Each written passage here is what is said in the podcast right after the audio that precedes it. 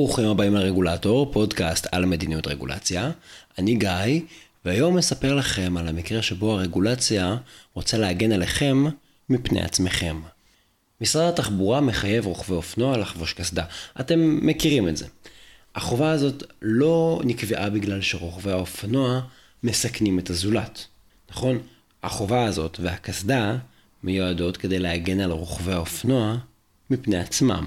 אנחנו מחייבים את הרוכב לחבוש קסדה, כי אכפת לנו מאותו רוכב. ואם רוכב האופנוע אומר, תודה, אבל אני מוותר על הקסדה, אז זה לא בסדר מבחינתנו. מבחינה פורמלית הוא מפר את החוק והוא ייענש.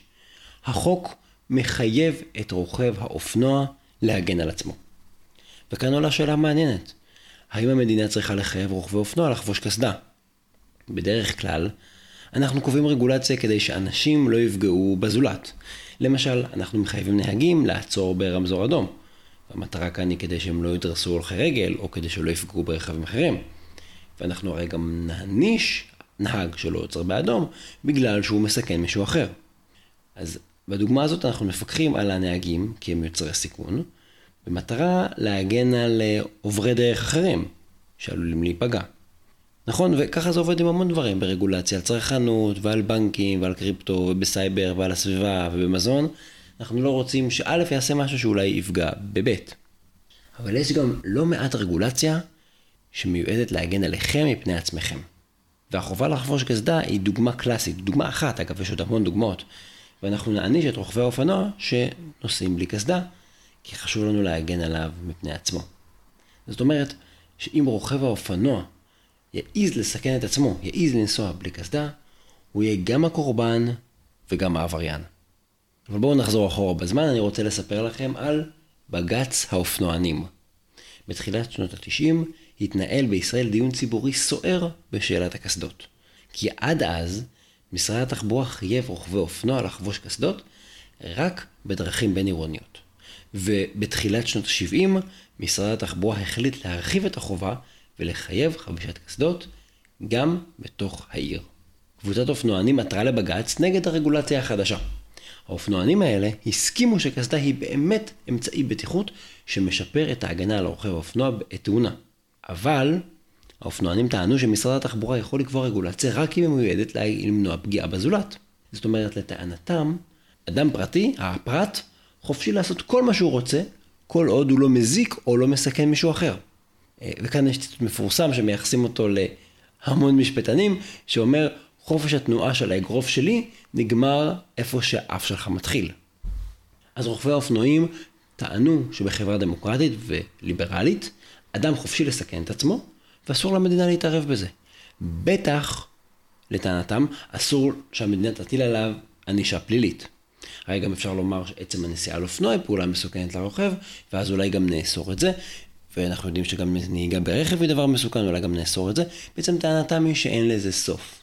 בית המשפט דחה את הטענות האלה, ואפשר למשרד התחבורה לקבוע את הרגולציה שחלה עד היום, כמובן, וזאת הרגולציה שאנחנו מכירים, שגם בתוך ערים חייבים לחבוש קסדות.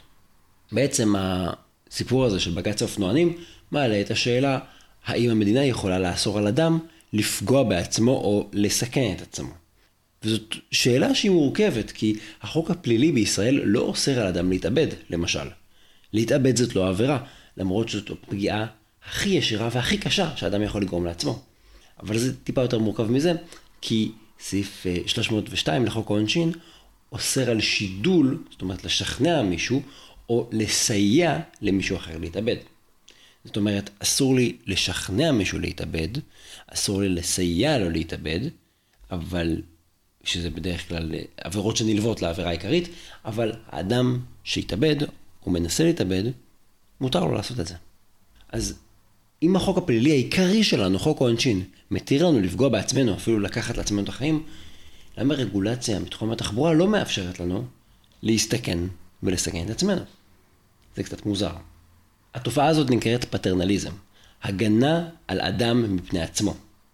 יש המון המון תופעות של פטרנליזם במדיניות ציבורית, זה לא רק ברגולציה. למשל, כאשר רוצים לוודא שאני מקבל את החינוך הכי טוב, גם חינוך שאני לא אבחר בעצמי, זה גם פטרנליזם. וחלק ניכר מהרגולציה שלנו נאכפת באמצעות המשפט הפלילי. אבל יש לנו עוד דוגמאות לפטרנליזם שזה לא המשפט הפלילי הקלאסי. תחשבו למשל על דיני העבודה שקובעים זכויות מינימום לעובדים. נגיד שכר מינימום. העובד לא רשאי לוותר על השכר המינימום. עובד לא יכול להסכים לקבל שכר יותר נמוך, זה לא מכשיר את זה. כמובן שעות עבודה ומנוחה, עובד שאומר אין לי בעיה לעבוד יותר שעות, זה לא משנה אם המעביד יעסיק אותו, אז המעסיק ייענש. אנחנו מכירים הרבה רגולציה פטרנליסטית בתחומים שקשורים לבריאות, למשל הגבלות על עישון, נועדו גם להגן על הסביבה, אבל בראש ובראשונה הגבלות על עישון מיועדות כדי להגן על המעשן, למנוע פגיעה במעשן עצמו. וככה גם הגבלות על שימוש בסמים, או רגולציה על משקאות משקרים. וזה מעורר הרבה מתחים, כי תפיסה ליברלית מכבדת את החירות ואת האוטונומיה של הזולת.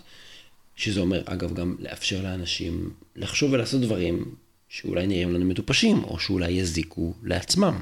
דברים אולי שאנחנו עצמנו לא היינו עושים, אבל אנשים חופשיים לעשות את הטעויות של עצמם. אז מה יכולות להיות ההצדקות למדיניות פטרנליסטית? אני רוצה להציע שלוש הצדקות שאפשר לחשוב עליהן בכל מיני הקשרים של כל מיני רגולציות וכל מיני כלי מדיניות. הצדקה אחת זה כאשר הסיכון העצמי כרוך גם בסיכון של הזולת. יש מצבים שבהם הרגולציה גם מגינה עליי, אבל בעצם גם מגינה על אחרים. למשל, חגורת בטיחות מגינה עליי, אבל אנחנו יודעים שבעת תאונה, אם אני יושב במושב האחורי ואני לא חגור, אני עלול לעוף, ובעוצמה של התאונה גם לפגוע באנשים אחרים שבתוך האוטו ולהזיק להם. ולכן, אם אני לא חגור בזמן תאונה, אני גם מסכן את עצמי, אבל אני גם מסכן אחרים. ויש עוד אה, דוגמאות שהן הרבה יותר פשוטות, אבל הנה דוגמה להוראה שעל פניו היא נטו פטרנליסטית, ואנחנו רואים שהיא לא 100% פטרנליסטית. הצדקה שנייה, כאשר סיכון עצמי מטיל עלויות עקיפות על הזולת. וכאן הדוגמאות הכי חזקות הן מעולם הבריאות. במערכת הבריאות הציבורית, כשאדם מסכן את עצמו, הוא חושף את עצמו לסיכון, אבל בסוף למשל הוא יצטרך אשפוז או טיפול רפואי. מי משלם על האשפוז והטיפול הרפואי הזה? אם יש לו מערכת בריאות ציבורית, הוא לא משלם 100% מכיסו. לפעמים הוא לא משלם גם אחוז אחד מכיסו. העלויות מגולגלות על אחרים. תקציב המדינה זה כסף שכולנו משלמים במיסים. אתם יודעים מה, הדוגמה הכי טובה לחשוב על זה, זה הדוגמה של עישון. כי מי שמעשן הרבה, אה, כנראה יצרוך הרבה יותר שירותי בריאות אה, בהשוואה למי שלא מעשן. ואז עלות הטיפול במעשן מתפזרת על כל הציבור. גם מי שלא מעשן מממן את זה בעצם. ולכן יש טענה שתחת מערכת בריאות ציבורית יש הצדקה לרגולציה על עישון. כי בעצם לכל האזרחים מעניין שמישהו לא יעשן כי הם משלמים על זה. כנ"ל צריכה של מזון לא בריא, אפשר לטעון שאם מישהו אוכל בצורה לא בריאה, וזה מטיל נטל על מערכת הבריאות, אז זה גם עניין שלי בעצם, כי אני משלם על, על הטיפול הזה. הצדקה שלישית, כאשר יש כשלים בקבלת ההחלטות, או ומתקבלות החלטות לא רציונליות. בעצם כאן אנחנו אומרים שהאדם שמסכן את עצמו, הוא לא מודע לסיכונים, הוא לא מבין את משמעות הבחירה שלו, אולי הוא לא יכול לשקלל את כל המידע, ולכן צריך שהמדינה תסייע לו לקבל את ההחלטה היותר טובה, ובעצם אה, לכן היא תתערב והיא תגן עליו. זאת אומרת, בניגוד להצדקות הקודמות, ההצדקה הזאת היא לא ליברלית, אנחנו לא מניחים רציונליות מלאה, אוטונומיות מלאה של הפרט. מה שחשוב לי להגיד על זה, זה שיש מקום לדיון ציבורי אמיתי על השאלה של איפה צריך רגולציה ואיפה לא, ואיך עושים את הרגולציה טובה במצבים שונים, כולל האם יש צורך ברגולציה הפטרנליסטית בסוגיות השונות. אבל במקביל, אני חושב שברגולציה פטרנליסטית הרף של הדיון צריך להיות הרבה יותר גבוה, הרבה יותר ביקורתי, ואנחנו צריכים להיות הרבה יותר זהירים. כי אם אני מסכן מישהו אחר, ההצדקה לרגולציה מאוד מאוד ברורה, אני לא יכול לפגוע באחרים. אם אני מסכן את עצמי, זה יותר מורכב ויותר אה, אפור לבוא ולהגיד, הופה, פה צריך רגולציה. בואו נקנח את הפרק בשאלה הפרקטית. אני מאוד מאוד אוהב את מבחן תוצאה. אז בואו נשאל את השאלה הפרקטית, האם פטרנליזם בכלל עובד? עד עכשיו דיברתי קצת אה, פילוסופיה וערכים ועקרונות, אבל אם אתם עוקבים אחרי הפודקאסט, אתם יודעים שאני מאוד אה, פונקציונליסט. אני מאמין במה שעובד במבחן התוצאה. ולכן, אם רגולציה לא משפרת את החיים של האנשים, לא משיגה את התוצאה, כנראה צריך או לבטל אותה או לתקן אותה. יש הרבה רגולציות פטרנליסטיות וקשה לבדוק את האפקטיביות שלהן. אני רוצה להציג לכם ניסיון אחד, שהוא ניסיון מעניין.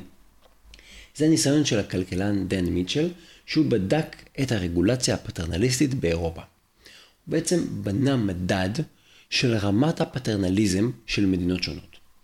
במדד הזה, פינלנד זכתה לתואר המדינה הכי פטרנליסטית באירופה, וגרמניה זכתה בתואר המדינה הכי פחות פטרנליסטית. איך נראה המדד הזה? המדד הזה בעצם מתבסס רק על רגולציה ביחס לאלכוהול, מזון, משקאות קלים, טבק וסיגריות אלקטרוניות. כמובן שיש הרבה מאוד תחומים נוספים שאפשר לחשוב עליהם, למשל קסדות, והקסדות האלה הם לא בתוך המדד של דן מיטשל. אגב, אם אתם רוצים לראות אה, גרפים ואת התרשימים שדן מיטשל הכין, העליתי אותם לאתר regulator.online, אתם יכולים לחפש גם בגוגל את השם של הפרק, אנחנו כאן כדי להגן עליכם, ותוכלו לראות את התרשימים. אז אחרי שמיטשל עשה את המדד הזה, הוא בעצם בא ושאל, אוקיי, אנחנו יודעים שפינלנד מאוד פטרנליסטית וגרמניה הרבה פחות, ומדינות אחרות באמצע, אבל האם יש תועלת ברגולציה הפטרנליסטית? ואת זה הוא בודק באמצעות מתאם בין פטרנליזם, רמות הפטרנליזם בכל מדינה, מה שעושה קודם, לתוחלת החיים, כמה שנים אנשים חיים.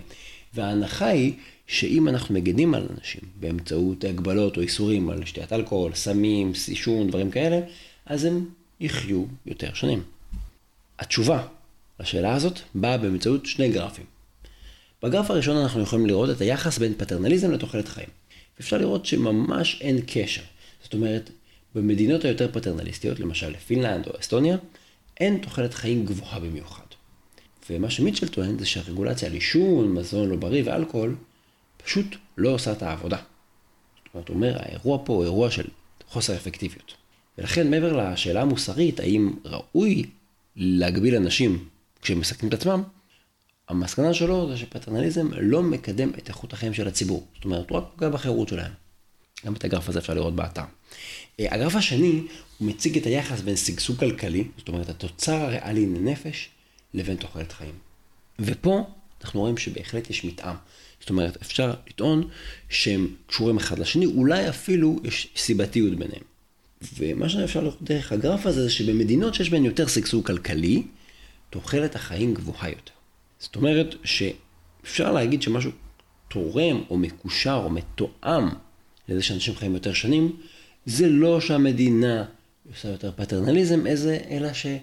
שם יותר שגשוג כלכלי, וזה אגב נשמע הגיוני, כי אפשר להגיד שבשוויץ מדינה עם רמת חיים מאוד מאוד גבוהה, ויש גם שגשוג כלכלי טוב ותוחלת חיים ארוכה, בניגוד למדינות באפריקה או בדרום אמריקה או במזרח אירופה או במזרח אסיה. ומה הפואנטה פה? הפואנטה של דיין מיטשל זה שרגולציה משפיעה על המצב הכלכלי. ואם יש רגולציה גרועה, מכבידה, מסורבלת, מיושנת, היא פוגעת בכלכלה, גורמת לזה שלאזרחים, אבל גם למדינה יש פחות כסף. רגולציה איכותית תורמת לשגשוג כלכלי. זאת אומרת, שבאופן כללי אנחנו היינו רוצים ללכת לרגולציה שיותר איכותית, כי זה מה שמשפר חיים של אנשים, כי בפטרנליזם לא משפיע ישירות על זה.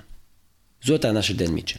שוב, אתם יכולים לקפוץ לאתר regulator.online או לחפש בגוגל, אנחנו כאן כדי להגן על עליכם מפני עצמכם, תמצאו את הפוסט עם אה, הגרפים והתרשימים. מה שחשוב לי להגיד על הטענה הזאת של דן מיטשל זה שזו טענה מוגבלת וזה כמובן לא איזה מחקר מקיף. אבל בעיניי זו טענה שהיא מאוד מאוד מעניינת וצריך להתייחס אליה ברצינות. כי בלי קשר לאידיאולוגיה, מה אנחנו רוצים, אני למשל אדם שאני לא מעשן. אבל זאת לא השאלה. השאלה היא האם הרגולציה משפרת חיים של אנשים. ואם הרגולציה אפילו לא מצליחה להגן עליכם מפני עצמכם, היא פשוט רגולציה לא טובה. וזאת השאלה החשובה שאנחנו צריכים לשאול במישור הפרקטי. קבענו רגולציה, שילמנו מחירים, עלויות, פגיעה בחירות, האם זה שיפר חיים של אנשים? האם בסוף מצבנו יותר טוב?